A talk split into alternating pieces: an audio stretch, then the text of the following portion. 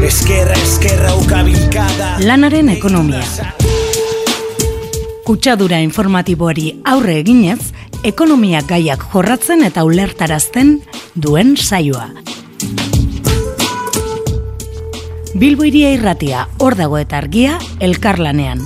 Lanaren munduko analizia. Lagunak egan, ametsak egan, izkinan bertan, usta bildu, berriz. Bueno, bueno, bueno, hemen gaude Bilbo iria irratian, e, bi ostegunean behin beza, betiko lez, e, lanaren ekonomia saioa abiatzeko, Gaurko menua betiko lez kargatuta dakogu, e, beti e, izaten dugun argia talarekin abiatuko gara e, saioa, Jenofa Beroko irigoin, argiako gazetariak laborantza lau.0 buruz e, itxeingo digu, Gero gure betiko sindikal agenda egito, egingo du eki e, etxebarriak, e, endika labort e, saioko kidea e, Uribe Kostarrikaaren e, lamgileriaren egoeraren inguruan hitz egingo dugu, eta bukatzeko e, Marta Ayala, e, Komisiones Obreraseko Industria Federazioko emakome arloko arduradunak hitz egingo digu, genero arrakalaren inguruko txosten bat egin dute eta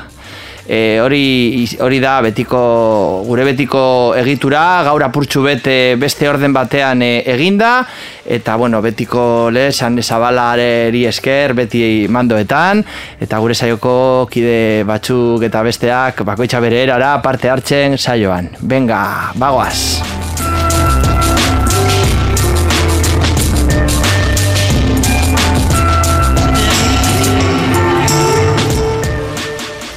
Gure argiako atalagaz abiatuko dugu saioa gaur, laborantza lau.0 aroa ireki nahi dute berdez pintatu eta produktibismoarekin segitzeko artikuluari erreparatuko diogu.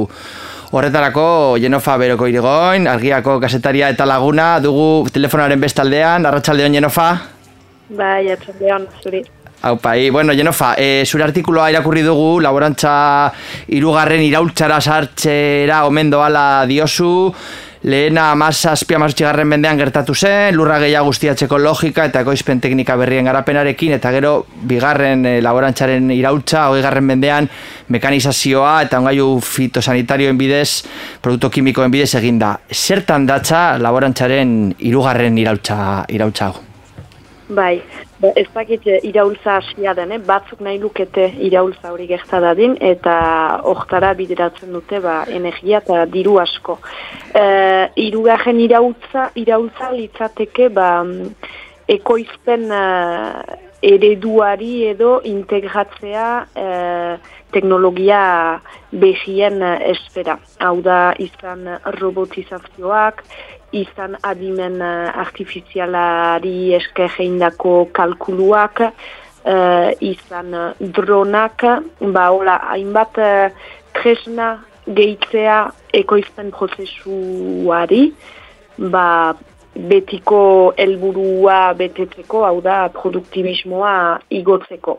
Produktibismoa emendatzeko eta diotenez, eh, albokalteak hau da kutsadura eta tipituz. Baina hori haien hitzetan eta realitatea ez da baita ez da daugela, baina bai hori da, beraz, eramaten balitzi gaultza hori ba, bestelako, bestelako tuko bat uh, laborantza, zeren uh, ba hori. Mm, laborari asko dituen sektore bat ukan behajean, ba, ordenagailuek eta robotek bideraturiko sektore bat uh, litaike. Gaur egun badena pixka bat, baina da uh, naiz eta instituzioek, multinazional boteretsuek eta hori garatu nahi egia da orain goz laborariek ba, ba nahiko mespidat diren. E, Euskal Herriko laborarien batasuna eta e, berekide dan konfederazion paisanek eta biak kanpesinak baita ere laborantza lau.0 horren aurka agertu da, ezta? Bai, aurka edo behintzat kezkak eh, planteatzen ditu eta orain goz aurkeztua den modura, bai aurka dira. Arteren e, eh, bia kampesina mundu mailan edo Ipar Euskal Egean ELB edo egoaldean ere txalde enez bizkaia eta horiek e, bestelako nekazaritza ere du bat e, aldajikatzen dute, hau da eh, eredu kalitatea lehen, lehen esten duen eredu baten aldeari dira bojokan, etxalde tikiak, etxalde egikoiak, eta egia da, eh, gaur egun planteatzen duten eh, laborantza lau eredu hori ez dela sartzen uh, kalitatea lehenesten duen eta elkarbizitza eta laborari asko dituen uh, sektore bat uh, aldajikatzen duen uh, ereduan. Beraz, uh, bai, kezkatua dira eta batez ere kezkatua dira, zeren urbiletik begiratzen baldin bada zein diren ari dirua jartzen uh, eredu horren uh, garapenean eta zein sindikatu diren ari ba, honen salmentan unbait eta ba hori, gora ipatzen, e, ikusten dugu ba direla eredu intentsiboa eta produktibista urteetan sostengatu dutenak. E, adibide bat emateko, e, Monsanto, mo gaur egun ez da gehiago Monsanto, baina baier multinazionala, e, multinazional hori ari da dirutza ematen ikaragarria sektore hortan. E, Monsanto edo baier, Hojoi gira duela urte batzuk uh, honek zituela garatu nahi eta garatu ere eh, munduan bahna uh, transgenikoak. Eta eta logika berean orduan garaian ere bazituen dena itzeder, kosetaren aurka iteko bidea zela, e, nekazaritza iraunko ja patati patata, baina azkenean, e, azkenean ez da transgenikoak ez dira ala, eta gaur egun diskurtso berde eta politarekin ari da saltzen laborantza lau baina egealitatean beste helburu bat du buru gibelean. Monsantok ez du helburu e, ba hori mundu bat nun dena laborari badiren, nun elikagaia osasuntzua den, ez ez Monsantoren helburua e, dirua egitea da, eta aipatzen duten irugajen iraultza hortan e, helburu bera da nagusitzen. Jenofa, e, zure artikuloan e, mundu mailako berotegi gazen izuketen ia laurden bat laborantzatik datorrela diozu, Ez dakit eh, jarritu badozun eh, Espainiako kontsumo ministro Alberto Garzonek eh, piztutako makroustegien eta behi eh, milaka milaka behien eh, ba, edo, edo ustiategien aurkako polemika. Bai, bo, ujundik segitu dut, baina eh, agertzen dena edo nik ujundik ikusi dudana edo da azkenean eh, Ba, ze instituzioek eta politikariak, hau da, agin, agintean, ag, zenboterean diren horiek ze, ze eredu sustengatzen duten. E, gau egun, egia da, Europa mailan adibidez e, pak deitzen den, e, bauri, nekazaritza politika bateratuak, argita garbi e, eredu industriala sustengatzen du diruak banatua dira uh, lur eta kabala kantitaten arabera. Eta naiz eta lur hori landu, ez ez landu, ba alaike jasotzen duzu diru laguntzak. Horrek nahi du, handienek dutela diru laguntza gehiena jasotzen, eta txikiak ba, kasik deusgabe gelditzen direla. Europak eredu hori sustengatzen du, eta egia da estatuek ere, uh, orokogean, eredu hori sustengatzen dutela. Ze, lobiak ikaragarri azkaja dira Bruxelan eta baita estatu mailan ere. E, lehen aipatu ditudan sindikatuak FNSA dela laborantza industrialaren sindikata eh, haien lobi gintza ikaragarria da, eh, enpresak ere Monsanto bai errauk dira presionatzen, eta ia da beraz instituzioek sostengatzen duten eredua eh, industrialarena dela. Eta beraz, e, gauza da, laborantzaren sektorea bi eredutan eh, banatua dela, edo bata edo, belz, edo bestea, belza edo xuria, janai edo intentsiboa zira, edo uh, eredu egikoian zira, edo kalitatea lehenesten duzu, edo kantitatea. Eta, eta beraz instituzioak egin behar dute autu bat, bat bata alabesteari buruz, uh, eta gaur egun ez da sendi eredu egikoia dela sostengatzen. Eta nahi baldin badira gauzak aldatu, eta nahi baldin badira uh, auge egin datuzen egonkei, beharko da uh, sostengu politika hori aldatu, eta dirua, eta programak eta bideratu eredu egikoiera. Nekazaritza txikiari, kalitatea behmatzen duen nekazaritzara. Orduan, bere momentuan be bai, e, gezur e, historiko bat izan dela transgenikoak e, ba, munduko gozeagaz bukatzeko erabiliko direla, orain e, laborantzaren numerizazioa bultzatzen da bizenen, e, ba, gezur berdina da, edo bez, gezur eguneratua, ez da? Bai, bai, bai, bai, segitzen dute argudio horrekin, zeren egia da mundu mailan den guztetzea arazolagi bat dela, baina uh, alaikeoak bat uh, gaur egun munduan euneko amajak guztetzea pairatzen balin badu ere, badakigu elikagaien euneko geia zakajontzira doala zuzenean. Beraz, bada arazo bat gure kontsumoan, bada arazo bat gure ekoizpen ereduan. Eta beste argudio bat erabiltzen dutena da klima lagialdiari augeiteko uh, eredu bat izanen dela, bidea dela, hori ere gezur bat da, uh, bai nekazaritza badugu uh, izurketen oinahian, uh, mundu mailako berotegi gazen izurketen euneko italaua, uste dut laborantzatek datojela, baina arazoa berez ez da laborantza begiratzen malin badugu adibidez Afrikari nun uste pertsona bat biren gain laboraria den, ba han ez isurketa ahas gutxi egiten dute. E, bada laborantza isurketa horien oinagian, baina behiratu behar da urbilagotik eta hor kausitzen dugu behitzere lehen aipatzen dutana, lehen aipatzen duena, dela nekazaritza ereduarena.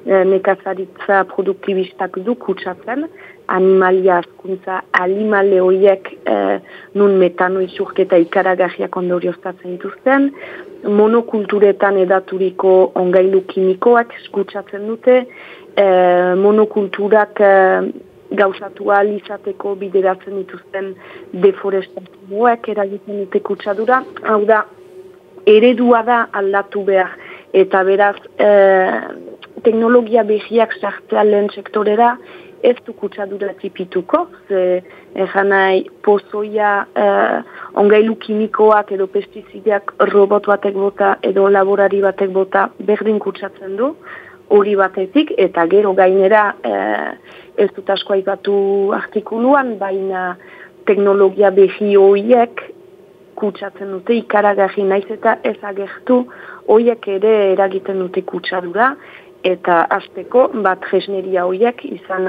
dronak, izan ordenagailuak, izan bestelako jesneriak, ba haien baitan badituzte mineralak eta metal batzuk, e, eta mineral eta metal horiek biltzeko, ba sekulako desastreak eragiten dira ere naturan. Beraz, egatea, e, laborantza lau izanen dela bidea klimalagialdiari augeiteko Europak duen helburu politikoa, hau da, 2000 behoit karbono neutraltasuna lortzeko bidea izanen dela, hori hori ez da egia, ez da egia. Ondo, laborari estentxibo eta ekologikoaren adibidea da zelan da bilga marteko familia? ongi, ongi, ongi, badoa.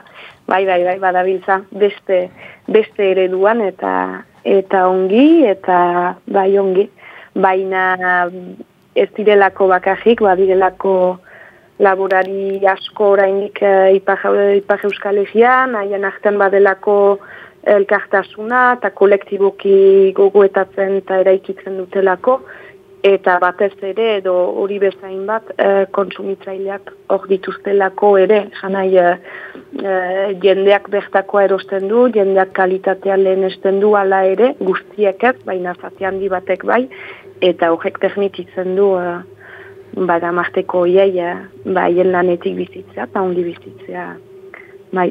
Gaztaitzu bat ekarriko diguzu orduan mende baldera antzesato zenean, ez, Jenofa? Bai, noski, bizpairu ere. bueno, ba, Jenofa beroko irigoin, argiako kasetaria, eskerrik asko bilboiria irratian e, galderei erantzutea gaitik. Urrengor arte. Mil esker zuri, zuei, aia.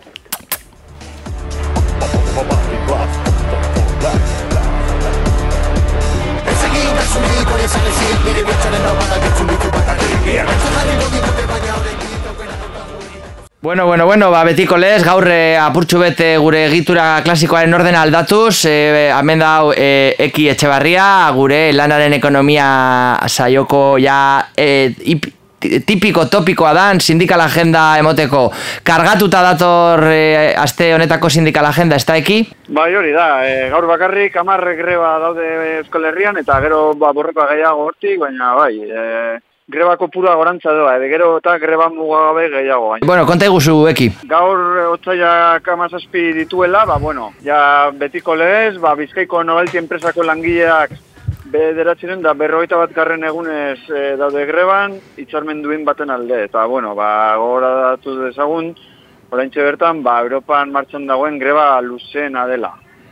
Gero, ba, Bilboko Guggenheim museoko garbitzaileen kolektiboa ere greban dago, berreun da berrogeita mai, maika garren egunez, hemen ba, lan baldintza eta soldata duinen alde. Eta baita, ba, soldata arrakalaren aurka. Bizkaian beti ere, ba, Zaratamoko eta Zaratamon eta Zeberion dagoen vulkanizado zuluaga enpresako langileak ere greba mugagabean daude, berreun da hogeta garren egunez, eta arabara joan da, gazteizen, altan bernedoko langileak ere greba mugagabean daude, laurogeita sorti garren egunez. Hemen ere, hitzarmen propio baten alde. Gero galdakon, e, Maxam enpresako irurogeita mar langile egitxe gora bera da euskaleratuak izateko arriskoan, eta orduan, ba, hori dela eta langileak e, atzo hasi zuten e, greba mugagabea, eta bantza e, sindikatu guztien babesarekin eta langa eta euneko euneko jarraipenarekin edo, edo ia bentsat. Gero, ba, Deustuko Unibertsitatean, garbitzaileak dira, greban, atzotik zapatu arte soldata arrakalerekin bukatzeko asmoz. Eta gero, ba, ego Euskal Herri mailan gidari profesionalak irurogei urterekin erretiratzea eskatzeko kon, kontzentrazioak eh, egin dituzte gobernu delegaritzaren aurrean.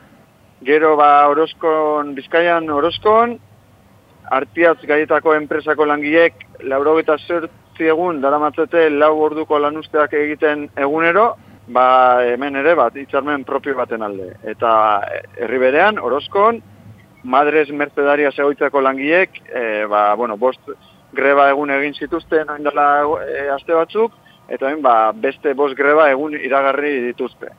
Batez ere, ba, Aliados Fundazioak, Madres Mercedarako erresidentzia daroan fundazioa, ba, e, ba, ez dituelako akordioak betetzen, eta ba, langileen baldintzak kaskardu dituelako. Gero, ba, bihar, otzailaren e, amazortzean, e, barikua, Nafarroan, osasun gintza publikoa defendatzeko, eta langileen baldintzak hobetzeko manifestazioa deitu du e, ba, osasun plataformak. Eta sindikatuak horretara pues, batu dira deialdira. Manifestazioa zazpiretan hasiko da baluarte plazatik hasita. Gero ba etzi, zapatua, zapatuan, otzaiek emeretzi, greba mugagabean ari diren altan bernedoko, altan bernedo enpresako langileek manifestazioa deitu dute, amabitardietan, gazteizen, ama Virginia zuriaren plazatik hasita. Gero ja urrengo astean, astelenean, otzaiaren hogeita batean, Amazonen azpi, Amazonen azpikontrata den Evoxen, bigarren Evox enpresaren bigarren greba eguna izango da. E, ba, hemen kasu honetan e, bertako errepresio sindikala salatzeko. Izan ere, enpresak langile bat kaleratu eta beste bat zigortu ditu eta bueno, ba, guztiak dira lab sindikatura afilatuta daudenak. Eta orduan, ba, bueno, hor- horren protesta egiteko ere, beste greba egun bat iragarri dute, iaren hogeita sortzean. Eta astelenean berriro ere, otzailaren hogeita batean, Bizkaiko autoeskoletako langileak berriro, ba, bueno, eh, Bizkaiko, osea, barkatu, berriro, ba, bosteguneko grebaldiari ekingo diote, eh, Bizkaia mailan hitzarmenduin baten alde. Eh, Orain dela aste batzuk ere egin zuten aste betoko greba, eta berriro hasiko dute ez dutelako akordiorik eh, aurkitu. Martitzenean, otzairen hogeta bian, soldataren arrakalaren kontrako eguna izanik, ba, mobilizazioa deit- de- deitu ditu labek, amaika aterrietan, Bilbon, esko jaurlaritzatik, konfede bazkera, eta gero iruñan e, zenen. Ba, bi mobilizazio ordu berean, soldata arrakalaren kontra. Gero martitzenean, eh, otzailaren hogeta bian berriro ere, Gipuzkoako foru aldundiaren eraikinetako garbitzaile azpi kontratatuak grebara joango dira, otzailaren hogeta boster arte, hitzarmen justu bat aldarrikatzeko. Urrengo astean beti ere, otzaien hogeta iruan, eguaztena, Nafarroko sarre hoitzetan, e, ba, greba egingo dute, lan balintzak jasoko dituen hitzarmen baten alde. Eta eguenean, Petronorreko langileek lehen greba eguna egingo dute, oro har, langileen baldintzak hobetu eta lanpostua defendatuko dituen zenbat neurri exigitzeko. Eta martxoan zehar, beste hiru greba egun dituzte iragarrita akorderik lortu ezean. Otzairen hogeta bostean, jaurrengo azteko bukaeran, e, osakidetzan lehen, arre, lehen arretaren greba izango dugu osasun publikoa indartzearen alde. Eta ja, urrengo azteko, oza, mendik ja bi astera, otzairen hogeta sortzean, astelena, osakidetzako langileek greba eguna dute, sindikatuek deituta, sindikatu guztiak, osasun publikoaren defentsa. Eta tira, ba, hauek dira dauden eh, deialdiak, martxan, grebak eta borrokak, ikusten dugunez, ba, topiko hori, ba, zerbitzu publikoetan, eta esaten dana zerbitzu publikoetan ez dala egoten e, amesteko langile borrokarik, ba, kasu honetan, e, portzentaje oso handi bat, ba, garbitzaileek eta garbitzaileen artean, eta egoitzetan da, eta osasun publikoan ere, eta orduan, ba, bueno, ikusten dugu, ba, zelan, irugarren sektore ere, ba, ba, sindikalizazio eta borroka, ba, horre, gorantza duan. Eta, bueno, ba, hauek dira urrengo egunetako borroka. Kerrik asko eki. Vale, zuei, agur. Maisa, la iglesia, me dicen el boca sucia, al derribar en el reggae like Maisa, jodiendo la iglesia, que me dicen el boca sucia. Asedio, definiría esta talla de compromiso, de politizar este inciso, de sacar la verdad a la calle y de protestar contra la masa, hace caso omiso. Normal que estáis cuando hablan en meetings de normalizar Euskadi corrompiendo las ideas, tu cuerpo echa la bilis, un pueblo que flaquea y mentira. Bueno, e, gure urrengo gaiari heldu baino lehen e, esatea gaur e, Amazoneko e, bo, Amazonen aspirkont, Ebox aspirkontatan borrokan dauden e, sindikalistak e, ba, gure saioan egotekotan egon dira. E, esan digute ba, oraindik martxan dauden e, prozesu horretan ba, nahiago dutela gure urrengo saiorako utzi baina jakin dezazuen eta ekik e, sindikal agendan aipatu duen bezala ez, ba, a, kaleratxeak egotekotan daude, zigor horrak esarri dizkie beste bat langilei, Euskal Herrian, Europako beste leku askotan bezala, bageroz eta oikoagoak dira, ez? Irautza teknologikoarekin loturiko enpresak eta sindikal gintza ere, errealitate horietara moldatzen ari da, hori egiten ari da lab sindikatua, eta bueno, ba, urrengo saiorako utxiko dugun gai bat da. Orain, e, lanaren ekonomia saio honekin jarraitzeko, gure saioaren fundatzailea eta mitiko, kide mitiko enetariko bat da, endika labor daukagu, telefonaren beste aldean, e, arratsaldean endika? Arratzalden guzti... Zela dabil hori, etxetik? Ondo, ba, zaintza lehenak egiten... Intentsi, intentsiboak, intentsiboak. Oso intentsiboak, oso intentsiboak, bai. Bueno, endika, eh, iruka aldizkarian idatzi dozu Uribe Kostarrikaren inguruan. Eh, badakigu, eh, getxo dala e, bueno, Euskal Herriko hiri handik e, aberatzena, e, Euskal Burge, beheraka joan dan, baina edo zeinean e, hor darraien Euskal Burgesiaren e, adibidea dan getxo, Uribe Kosta berezko aldera, ba, lusatzen dela, sopela, plentsia eta hori elarte, eta esaten dozu, sarritan irudionen aurka, ba, bueno, e, irudikatzen digute Uribe Kosta burges bat, baina lana eta lanaren errentan gainbiera dauela bebait testu gisa eta dauen e, krisi neoliberala oza, azken amarkadetako krisi neoliberal etengabe honetan ba Uribe Kostako langileriak bebai jasan egin duela prozesu, prozesu hau, ezta?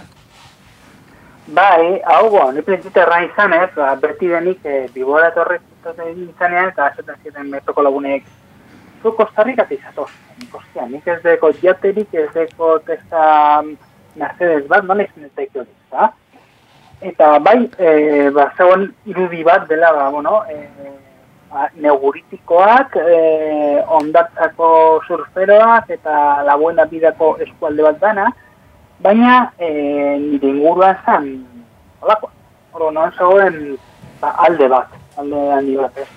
Eta hori hasi nintzen, badatutan begiratzen, eta batuek hori zuten, hori kosta langile eskualdea da, eta piko eta burrez asko ere ez da. Orduan, e, lehenengo e, ondorio zan hori, e, errenta, lanaren errenta dela ba, uride kostako ba, adeaztasun iturri nagusiena, ez kapitalaren errenta, edo olakoak, eta e, ba, errenta hori ba, izuan murriztu dela, ba, bueno, Euskal Herri osoan eman den moduan.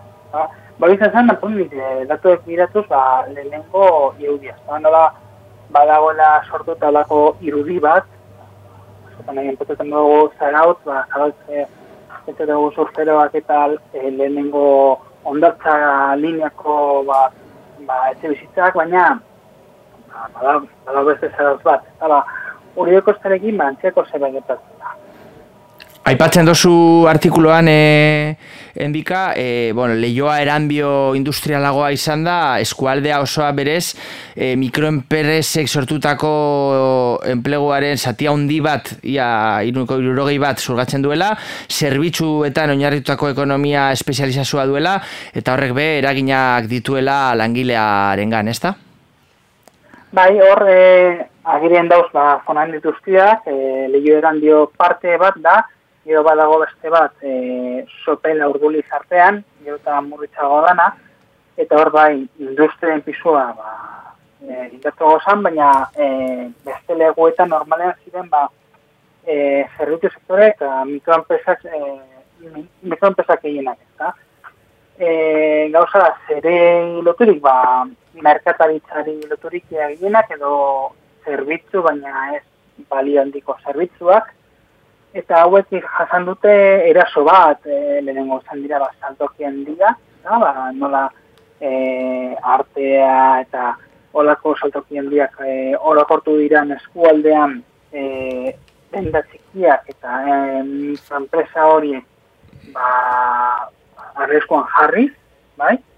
E, hori batetik eta gero, bueno, bestean, e, zerbitzu sektorean, e, lan baldintzak prekarizatu diren enean, ba, hori de postaren lan baldintzak orokorren gehiago prekarizatu dira, ba, e, zerbitzu sektoreko langileak direlako ia diena. Eta aipatzen da sarritan, ez bakarrik uribe kostari buruz, bezik eta orokorran e, 2008ko krisitik e, ona, e, deitu izan diogu e, amarkada galdu horretan, e, ez bakarrik eskerraldean edo mehatxaldean edo enkarterrin, baizik eta baita uribe kostan ez dala berreskuratu krisi aurreko egoera eta lanbaldintzak eta eta orokorrean familien errentak e, nahikotxu kaltetuak geratu direla, ezta? Bai, horren ari eta, e, lehenengo da, mena gaztelania zindiz de ropa zengat aktual, hau da, e, langile batek zenbaldan kontratu dituen urtean, eta urte zurta bidekatu zian dan, eta zen badugu 2000 eta mar, eta 2000 eta emeletzi tartea, ba, ia biderkatu da, hartzen badugu erri zerri da. Aldeak edo de, baina orokorren bidekatu da. Bai. Emako kasuan antzerakoa ez da. E, horrek zer esan nahi du, ba, bai, e, langilek lan kontatuko jago dituztela, eta e, horren atzen dagoen da ba, prekadizazio bat. Eta ikusi beharko da, ia lan forma berrinekin, e, joera aldatzen da, nala ez, edo hori ikusiko dugu urrengo urtetako ez da izik ez da. Baitere atzen badugu ba, lan e, mugagaben e, ba, kontratu den e, oso murritza izan dela historikoki, bai, euneko e, bosteko agienez jota e, urtean, eta gero eta murritzago da azken urteotan, eta eta datuek, e, datuek orokorrean hori ematen dute. Ez dago hain desagregazioan diri, da, e, soldata motak, herriz, herriz eta bar, eta hor bai falta dela ba gaindekea moduko ba ba lege bakizuna ez ja ez, ez du bere lanarekin jarraituko baina gaindekiak hor bai egiten zuen lanketa bat ba falta da ez da hemen ba jaurlaritzaren partetik ba ez dute desglose hori hain zehazki egiten ez da? Eta hori bai falta da ba horrelako eskualde mailan eta herri mailan azertzeko baina bai orokorrean esan daiteke baitere errenta termino erreletan neurtuta morriztu dela urta bueta.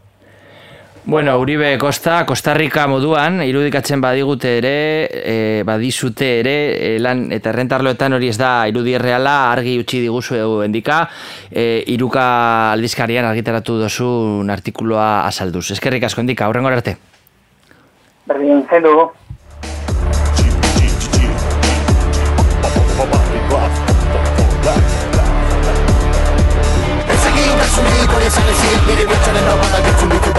Yeah. Bueno, bueno, bueno, e, kargatuta etorri da gaurko saioa, oraindik ez dugu bukatu, e, Jenofa Beroko irigo, inargiako kasetariarekin egon gara, gero e, eki etxe, etxe barriak, basi, betiko sindikala jende indigu, eta orain endika labor gure e, betiko kideak e, azaldu dizkigu zeintzuk diren Uribe Costa Rikaren langileriaren egoera. Orain, e, ba, saioa bukatzeko, eta beti ere e, e, Bilboiria eta Arrosasareko entxule guztiei ba, horregotea gait horregatik ba, eskerrak emonez, e, ba, utxiko dizuegu ba, e, Mikel Álvarez Beteluk, e, Marta Ayala, Komisiones Obreraseko Industria Federazioko emakume arduradunari, e, ba, soldata arrakalaren inguruan egindako elkarrizketarekin. Beste gai batzuekin jarraituz, Komisiones Obrerasek e, genero arrakalaren inguruko txostena kaleratu du, Eta horreta hitz egiteko Marta Ayala daukagu, e, Industria Federazioko, Federazioko Komisiones Obreraseko emakume arduraduna. Kaixo, Marta?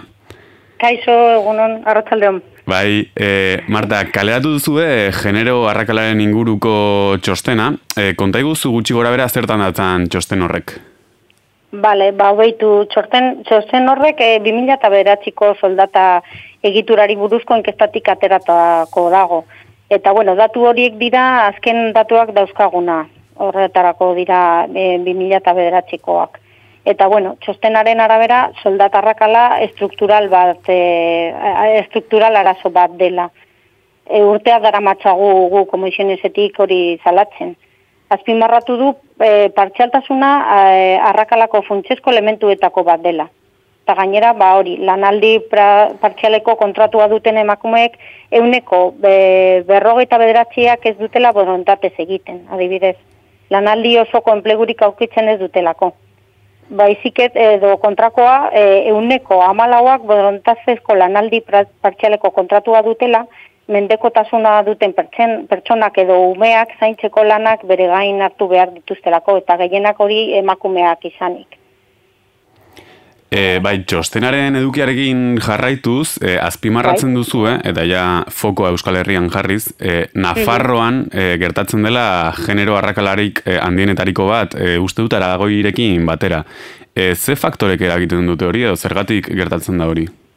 Ba, baitu, ezke gu ezin dugu Nafarroa duta, datuak erantzunik, ez da e, ez dago gure gu bakarrik Euskadin e, oinartzen dugu. Bueno, Euskadin dinot hiru lurraldeak, baina Nafarroak ba, ez dakigu, ez dakite erantzuten. e, txostenaren irakurri, txostenean irakurri dugunaren arabera, e, Aragoiren kasuan adibidez, esaten da, e, industriak hainbesteko pixu duenez, e, industrian e, ordaintzen diren soldatak altuak direnez, e, arrakala hori haunditzen dela, ez? Beste sektorekiko agian faktore horrek e, eragin dezake? E, ba, bai, segurazki bai, hori erlazionatuta dago. e, batez ere hori komplementuari buruz e, e, pluseak e, normalean hori hor dago soldata arrakala. eh, Azimarratzen duzu txostenean ere, e, komisiones obrerasek urteak dara matzala ez, praktika sindikal feminista bat egiten eta genero agarrakalaren kontrako dinamikak egiten, E, ze lehentasun dituzu ekintza sindikalean eta sindikatu bezala, barne mailan ere, e, ze neurri edo, edo ze prozesu implementatu dituzu e, genero harrakalari bueltea amateko? Ba baitu, adibidez gure itxarmeneko plataforma guztietan beti izatzen dugu hori feminismoaren ikuspuntua, e, ba, adibidez protokoloak, berdintosun batxordeak, eta ber, eta bueno, ba, e, gure eguneroko ekintza guztietan integratuta dago e, adibidez gure sindikato prestakuntzat gure egiturak eta ordezkaritzak ikuspegi feminista dute. Estatu mailan duela hogeita hamar urte, baino gehiago gure zuzendaritza organoetan kuotak sartu dituen lehen erakundea gara. gure txat feminismoa oso importante bada. Mhm. Eta, eta zu industriako kide izanik ere, Bai. okerez banago, e, bizkaiko metaleko hitzarmenean ere horrelako edukiak, ez? Txertatu ziren. Bai, bai, e, bueno, e, e, txertatu dugu hori e, protokoloa e, sektore guztientzat, guztientzat e, bizkaiko sek, e, sektore guztientzat metalean, eta bueno, e, elkarlan oso gogorra izan da, eta negoziazioa, negoziazioa luzea, eta bueno, azkenean e, sartu dugu protokoloa guztientzat, Mhm. langile guztientzat. Eta apur bat begirada atzera botaz, ez? E, azkeneko urte hauetan, bai e, sindikatuen edo mugimendu sindikalaren eta mugimendu feministaren arteko aliantzak, ba, greba orokorrak edo greba feministak eman ditu, ez? E, ondoriotzat. E, hortik zeirak aspen atera ditzakegu edo uste duzu aurra pausuak egon direla aliantza horretan azkenean genero arrakala bezalako fenomenoei aurre egiteko? Ba, bai, oso positiboa da, eh, ba, hori, elkarlan hori egitea, eta, bueno, e, e, biltzarrotan parte, parte hartzen dugu, e, e, movimiento feministarekin, eta, bueno, ba, gure greba feministak e, adibidez e, agenda politikoan sartzeko balio dutela, eta, bueno, emakume gehiago esnatzeko balio izan dute. Adibidez guretzat oso importantea da hori berdintasun planak e, egitea eta orain gaur egun negoziazio kolektiboan sartzen sartzen lortzea. Mhm. E, elkarrizketarekin aurrera, aurrera jarraituz, lehen aipatu duzu ere, ez? Genero arrakalaren arrazoi nagusietako bat badela azpikontratazioa eta eta bestelako faktore batzuk. Eta horren e, adibiderik agian paradigmatikoena ere kelien, kelien kasua daukagu, ez? Eta hor kelien, keliak osa- osatzen dituzen hainbat erakunde lan erreformaren aurka agertu dira. Eta ikusi dugunaren arabera, e, diotenaren arabera, arrazoietako batzuk badira hitzarmen sektorean prevalentzia soilik soldatara mugatzen dela, eta azpikontratazioa garatzeko kasuistikak e, murrizten ez direla. Nola baloratzen duzu e, kasuistika hori, nola baloratzen duzu iritzi hori? Bai, eske, bueno, hori ez da sartzen nire sektorean, ze, bueno, ni industriako izanez, baina, bueno, e, ba, uste dut, ba, keliaren, pues, ez dakit, rajoiren lan erreformaren aurke, e, aurpegi perfektua da, esaten, esaten dugu, ez da? Bi elementutan oinarratzen zen, soldatak, eta hori piraten azpikontratazio itxarmenak de, de balatuz. Orduan, eh, nik uste guk uste dugu e, enpresaren beherazko hitzarmen gehiagorik ez da egongo. Orduan, hotel horietan, kasututako jarduaren hitzarmenak aplikatuko direla bermatuko da. Arau, araua hori berriro gerta ez dadin pentsatuta dago. Eta e, elkarrizketarekin amaitzeko e, eskatuko dizugu e, desioren bat edo erronkaren bat unrengo urteetako genero arrakalari eta eta soldata arrakalari ere buelta emateko. Zerbait eskatuko bazenu edo zerbaiti lehentasuna emango bazenio, zeri emango zenio. Zein, zein uste duzu dela momentu honetan lehentasuna? Lehentasuna ba, e, horrela jarraitzen, hori e, planak e, implementatzen, e, berdintasun planak imple- implementatzen, eta batez ere ba, kategorietan e, berdin, berdin bale, balorazioa egitea. Oso importantea da ba, hori e, arrakala e, ez e, e, lortzeko, baina bueno, e, zaila da eta horrela, na- e, horretan lan egiten ari gara. Bale, ba, apunte horrekin geratzen gara. E, eskerrik asko, Marta, eta jarraituko dugu oso, oso adi galatzen dituzuen bai txostenak eta egiten dituzuen ekimenak. Eskerrik asko. Vale, mila esker zuri. Eskerra, eskerra ukabilkada Lanaren ekonomia. Kutsadura informatiboari aurre eginez, ekonomia gaiak jorratzen eta ulertarazten duen saioa. Bilbo iria irratia, hor dago eta argia, elkarlanean. Lanaren munduko analizia. Lagunak egan, ametsak egan, izkinan bertan Usta bildu, eta berriz bueltan Denbora gelditzea bagenu don't stop